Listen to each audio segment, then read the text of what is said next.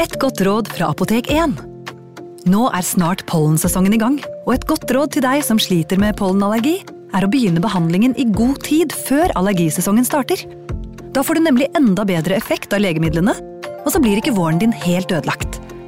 Kom innom og få råd på ditt nærmeste Apotek 1, eller chat med oss på apotek1.no. Apotek 1 vår kunnskap, din trygghet.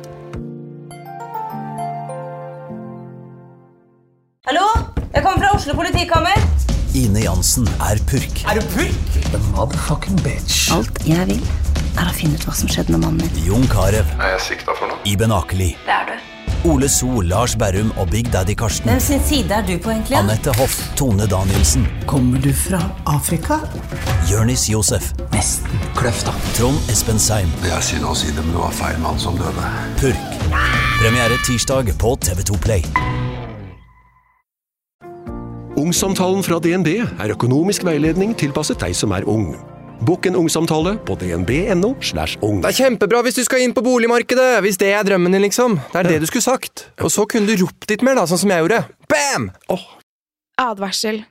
Historiene vi forteller i denne podkasten kan være fiktive og avvike fra den opprinnelige historien av dramaturgiske årsaker. Meninger og påstander i historiene reflekterer nødvendigvis ikke programledernes meninger eller virkeligheten.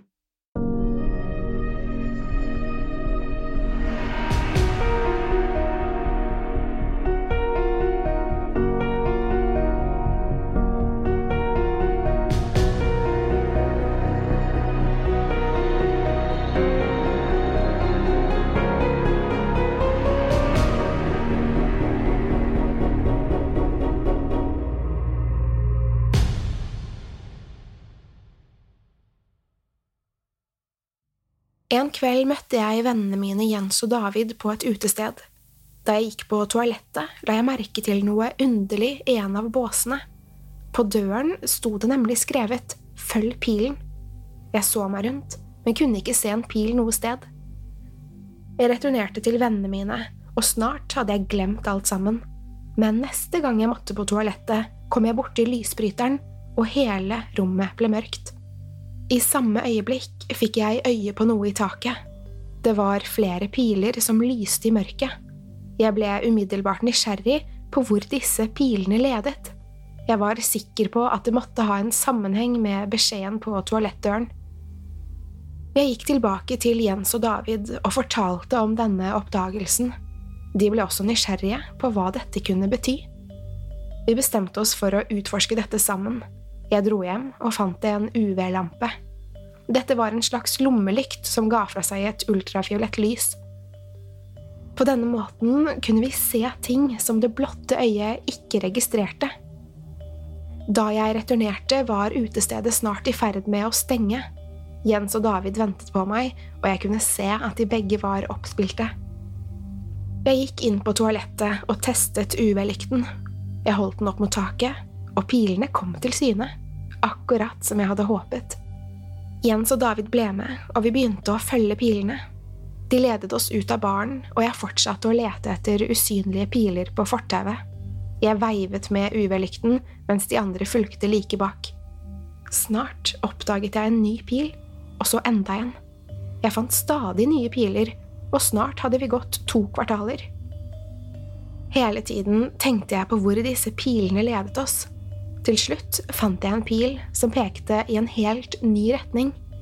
Den førte oss mot en åpen plass, omringet av et høyt metallgjerde. Vi kunne ikke se hva som var på innsiden, men pilen ledet oss i denne retningen. Jens forsøkte å åpne porten, men den var låst. Det var ikke aktuelt å gi oss nå, så vi bestemte oss for å klatre over til den andre siden. Jens var førstemann. Han dro seg enkelt over gjerdet. Jeg la UV-lykten i baklommen og fulgte etter. Jeg var ikke like grasiøs som Jens og veltet over gjerdet. David fulgte like bak. På den andre siden var det en gammel parkeringsplass. Det var åpenbart at den ikke hadde vært brukt på mange år. Ugress sprang opp mellom sprekkene i asfalten. Jeg fant frem UV-lykten og begynte å lete etter flere piler. Snart fant jeg én som ledet oss videre. Etter hvert kom vi til et lite skur som lå midt på parkeringsplassen. Jeg vet hva dette er, sa plutselig David. Det er en gammel drive-in-kino, jeg tror det var her de solgte brus og godteri. Da vi kom nærmere, kunne jeg se at det sto popkorn på et skilt. Dette gamle skuret hadde en gang vært en kiosk. Vi vandret rundt det lille skuret og fant en dør på den andre siden. Døren var riktignok låst, men kombinasjonslås. Da jeg fant frem UV-lyset, oppdaget jeg at fire sifre var skrevet på døren. Én, tre, fem, seks. Det måtte være koden til låsen. Jens prøvde denne kombinasjonen, og hengelåsen ga fra seg et tilfredsstillende klikk. Uten å nøle åpnet han døren. Jens tittet inn i skuret før han hvisket. Jeg kan ikke se noe. Jeg måtte også ta en titt. Jeg forsøkte å lyse med UV-lykten i tilfelle det var en skjult beskjed der inne, men jeg kunne ikke se noe som helst. Det var altfor mørkt der inne, og jeg angret bittert på at jeg ikke hadde tatt med meg en vanlig lommelykt. Jeg skulle til å foreslå at vi dro hjem og kom tilbake neste morgen da jeg hørte en svak lyd. Plutselig skrudde lyset seg på inni det lille skuret. Det var svakt, men nok til at vi kunne se hva som skjulte seg på innsiden. Det ser ikke ut som noen har vært her på 30 år, sa Jens. Se på denne parkeringsplassen, det vokser trær opp fra asfalten. Det elektriske fungerer i alle fall, sa jeg. Noen må i det minste betale strømregningen. Jeg hadde ikke tenkt til å gi meg nå. Disse pilene hadde fanget interessen min, og jeg måtte finne ut av hvor de ledet oss. Vi fortsatte inn i skuret og ble overrasket over hvor ryddig det fremsto. Hele rommet var likevel dekket av et tynt lag med støv. Det føltes nesten som å utforske et egyptisk gravkammer. Alle hyllene var tomme, men det var ett lukket skap i den ene enden. David gikk rett bort og åpnet skapdøren forsiktig. Se her, ropte han. Vi kom nærmere og så at hyllene var fulle av gamle bokser. De så ut til å ha inneholdt godteri. De var veldig gamle, men jeg kjente igjen noen av logoene. Jeg la fra meg UV-lykten og gikk for å utforske skapet nærmere. Men før jeg kom frem, ropte Jens ut Hei, sjekk ut dette! Jeg snudde meg og så at han sto over en luke i gulvet. Han hadde åpnet lemmen og tittet ned i et mørkt hull. Kanskje det er et nytt lys der nede, sa han. Det var åpenbart at Jens også ville fortsette oppdagelsesferden. Jens grep tak i stigen og begynte å klatre ned i mørket. David og jeg fulgte like bak. Jeg var omtrent halvveis da jeg hørte et nytt klikk. En lampe lyste opp den mørke kjelleren. Vi begynte å utforske kjelleren. Lyset fra lampen var svakt, men vi kunne i det minste se hvor vi gikk. Rommet var som en labyrint, laget av kasser, hyller og striesekker. I en av hyllene fant jeg gamle filmruller. Det var stort sett gamle skrekkfilmer med titler som Dracula vender tilbake og Varulvens natt. Jeg kjente ikke igjen noen av titlene, antageligvis var det bare gamle B-filmer. Jeg skvatt da jeg plutselig hørte en skarp lyd. Det var mekanisk, nesten som et bor som drillet i metall. Det hørtes ut som det kom fra luken. Det varte bare noen sekunder, før det igjen ble helt stille. Vi så på hverandre og jeg kunne kjenne hjertet som dunket i brystet mitt. Jeg løp bort til luken for å undersøke hva det var som foregikk.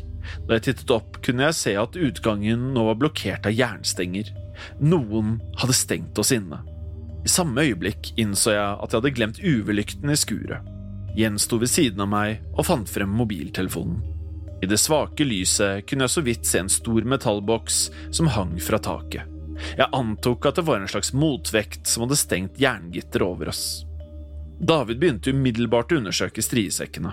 Han dro frem en i lyset og åpnet den forsiktig. Da han så hva som var på innsiden, slapp han ut et dempet skrik, så begynte han å hyperventilere.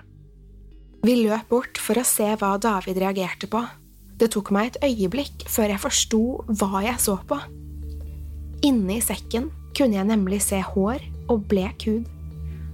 Jeg tok et steg tilbake og begynte å brekke meg.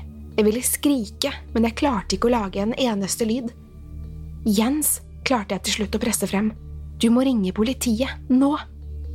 Jeg la hånden min på Davids skulder. Han skalv og vugget frem og tilbake mens han forsøkte å roe seg ned. Jeg kikket rundt i rommet. Det var i hvert fall et dusin striesekker i samme størrelse. Jens fikk snart kontakt med politiet. Han forklarte hvor utestedet lå, og at vi hadde gått noen kvartaler, og at vi nå befant oss på en inngjerdet parkeringsplass. Han fortalte om det gamle skuret og luken som ledet ned i kjelleren. Jeg grep tak i telefonen. Hør her, skrek jeg, det er lik gjemt unna i striesekker her nede, flere titalls. Stemmen i den andre enden svarte rolig. Kan du fortelle meg hva dere heter? Jeg ga henne all den relevante informasjonen og svarte på alle spørsmål hun stilte. Jeg tenkte at vi burde spare på batteriet, men jeg håpet at hun skulle være vår reddende engel. Etter en liten stund endret hun toneleie. Du vet at det er ulovlig å tulleringe til nødsentralen? Hjertet mitt stanset i et øyeblikk. Hun trodde ikke på oss. Jeg forsøkte å samle tankene før jeg sa vær så snill, vi forteller sannheten. Dere kan arrestere oss hvis dere vil, bare send noen som kan hjelpe oss. Har du ikke noe bedre å finne på, unge mann, sa hun til slutt før hun la på røret. Panikken skjøt gjennom kroppen min. Gi meg telefonen, sa David plutselig. Han slo et nummer på mobilen og ventet på svar. Hei, kan du sette meg over til nærmeste politistasjon? Det er et nødstilfelle. Nei, jeg vil ikke snakke med nødsentralen. Han ble stille mens telefonen ringte. Hallo, sa han da han igjen fikk svar. Jeg så akkurat en gjeng med unge gutter som brøt seg inn i en forlatt bygning. De laget et vanvittig støy. Jeg tror kanskje de dro med seg en liten jente ned i kjelleren. Det så ikke bra ut. Noen bør undersøke hva som foregår så fort som mulig. Genialt, tenkte jeg for meg selv. David fortalte hvor vi var, og svarte på noen spørsmål. Han ba politimennene om å skynde seg før han la på. Noen sekunder senere hørte vi lyden av en bil som parkerte. Det var raskt, sa David. Jeg var ikke like positiv. Det er ikke politiet, hvisket jeg. Jeg hørte at bildøren åpnet seg før den smalt igjen. Deretter hørte vi tunge fottrinn som gikk mot skuret. Jens gikk bort til stigen og begynte å rope. Hjelp, vi er her nede! Fottrinnene var trege, men de beveget seg målrettet mot luken. Gjennom gitteret kunne jeg se et par arbeidsstøvler og skitne olabukser. Jens tok så et steg tilbake. Han skalv og var fullstendig blek. Jeg tittet opp igjen og så en storvokst mann. Han tente en sigarett og kikket ned på oss. Jeg innså at dette ikke var en politimann, men jeg måtte likevel prøve meg. Unnskyld meg, presset jeg frem, før mannen forsvant fra luken. Han må ha hørt meg, men han fortsatte likevel ut av bygget. Han hentet noe tungt i bilen og begynte å dra det mot skuret. Snart rullet han ut en presenning over gitteret som han teipet fast med ducktape. Vi kunne ikke se hva det var som foregikk, men lyttet til alt som skjedde. Det var ingen tvil om at det var noe ondsinnet som foregikk over oss. Etter en stund kunne jeg høre en høy suslyd. Jeg forsto ikke hva det var som foregikk. Gass! ropte plutselig David. Jeg tror han pumper gass inn i rommet. Vi begynte å løpe rundt for å finne ut hvor gassen kom fra men snart begynte jeg å føle meg svimmel. Jens var den første som kollapset. David løp bort mot han for å hjelpe, men snart besvimte han også. Jeg falt ned på knærne og kjente at jeg var i ferd med å slukne. I det fjerne kunne jeg høre politisirener. Jeg forsøkte å tvinge kroppen min til å holde seg våken, men snart ble alt svart.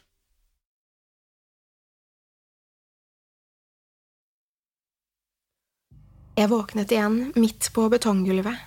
Jeg forsøkte å reise meg, men armene mine var fremdeles svake. Det kjentes ut som om hodet mitt veide et tonn. Jeg kunne høre at noen hostet bak meg, og i en enorm kraftanstrengelse klarte jeg å rulle over på siden. Jeg kunne se David, som også var i ferd med å våkne. Jeg kikket rundt meg og så at vi fremdeles var i det støvete rommet. Plutselig husket jeg alt som hadde skjedd. Adrenalinet pumpet gjennom kroppen min, og styrken returnerte. Jeg grep tak i David og dro han nærmere. David, vi må komme oss ut herfra. Før jeg rakk å fullføre, hørte jeg en stemme ovenfra. Unnskyld meg, noen har klaget over en gruppe ungdommer som laget støy. Har du lagt merke til noe uvanlig? Det var åpenbart at stemmen snakket til en annen person i skuret. Det var en lang pause før den andre personen svarte.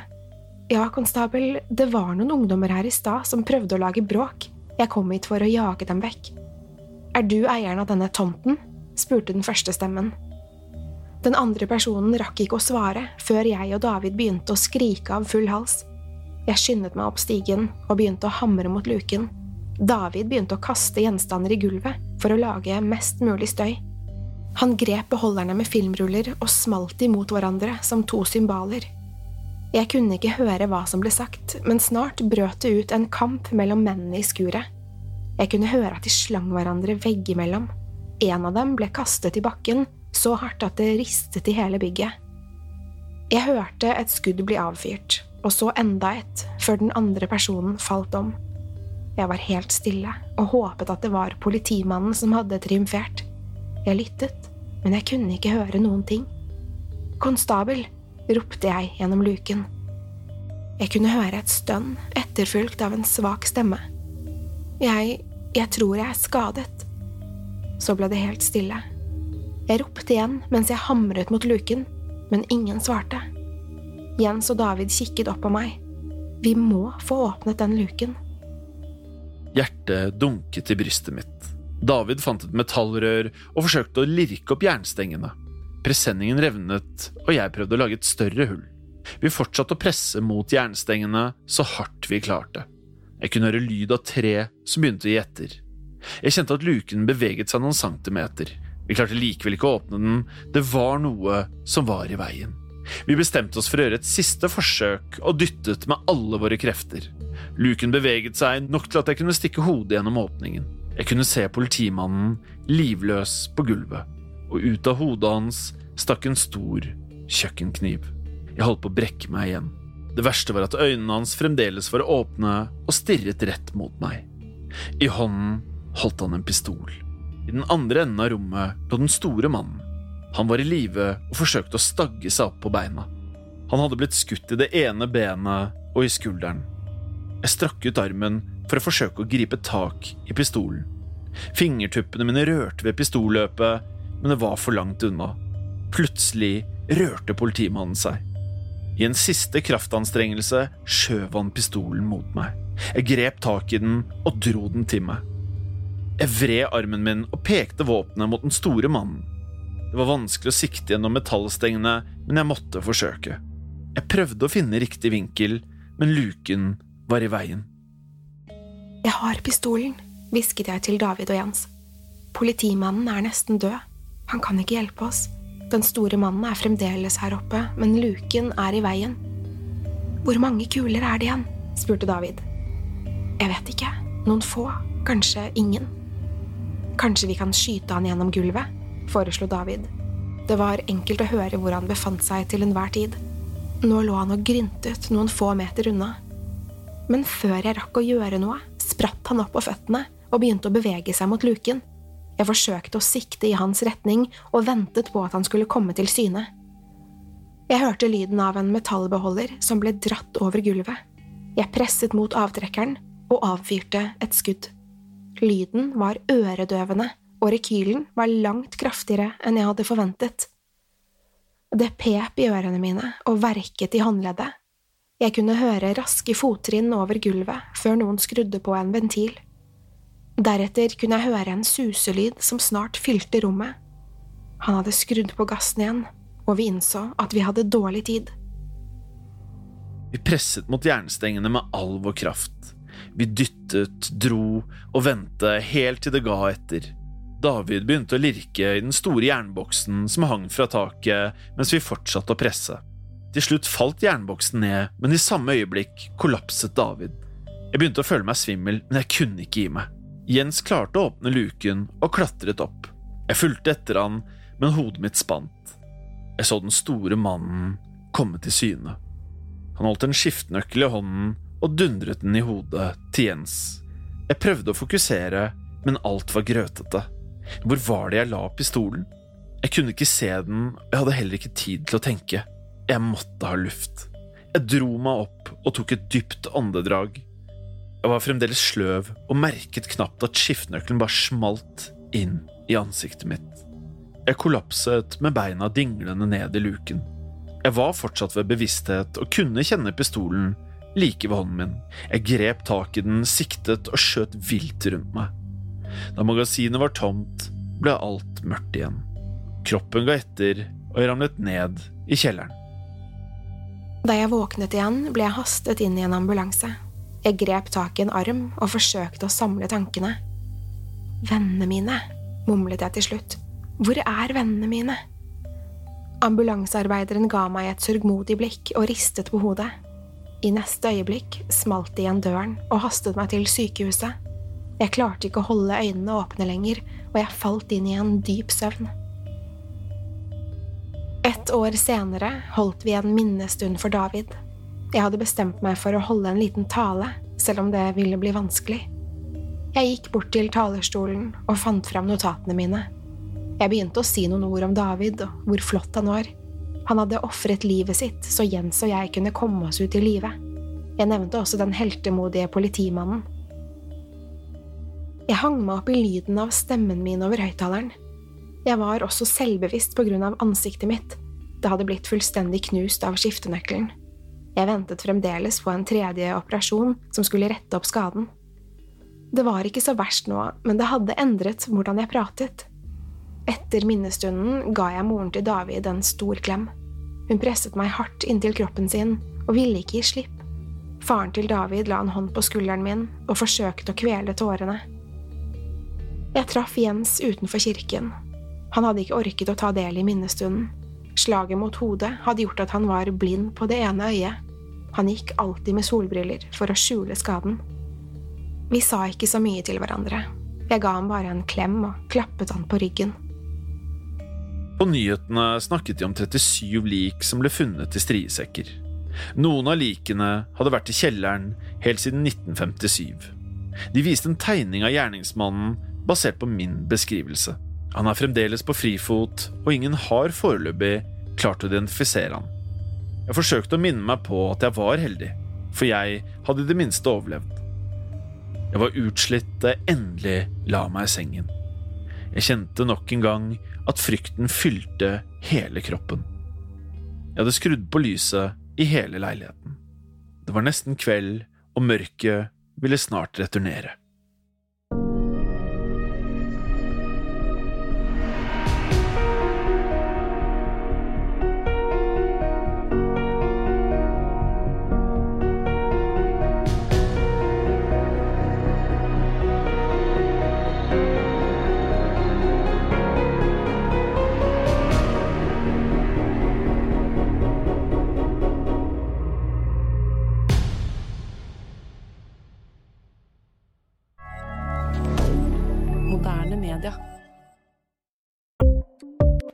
Ukens annonsør er Folio, en smartere banktjeneste for deg som har en egen bedrift eller ønsker å starte for deg selv.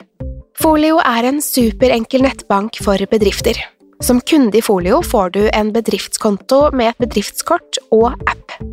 I denne appen er det smarte løsninger som forenkler regnskapet ditt, uansett om du har en liten bedrift eller et enkeltpersonsforetak. Folio er både intuitivt og brukervennlig, og er laget med et enkelt språk. I tillegg tilbyr de forutsigbare priser og ingen skjulte gebyrer. Skulle du likevel trenge det, så kan du snakke med deres raske og hyggelige kundeservice, og der får du prate med en faktisk person og ikke en chatbot. Folio er med andre ord både enklere og koseligere enn banken. Over 10 000 bedrifter har allerede valgt Folio som sin banktjeneste, så besøk folio.no og se hvordan Folio kan forenkle din hverdag også. Har du et enkeltpersonforetak eller en liten bedrift? Da er du sikkert lei av å høre meg snakke om hvor enkelt det er med kvitteringer og bilag i fiken, så vi eh, gir oss her, vi. Fordi vi liker enkelt. Fiken superenkelt regnskap. Kiwi er billigst i VGs matbørs og har vært billigst i fire av de fem siste VGs matbørser. Og nå presser vi prisene på frukt og grønnsaker. På 200 gram broccolini setter vi prisen til 24,90. På 400 gram Cevita blåbær setter vi prisen til 49,90. Og husk, alle Kiwi Pluss-kunder får i tillegg 15% trumfbonus på all fersk frukt og grønt. For det er vi som er prispresserne. Og vi i Kiwi gir oss aldri på pris.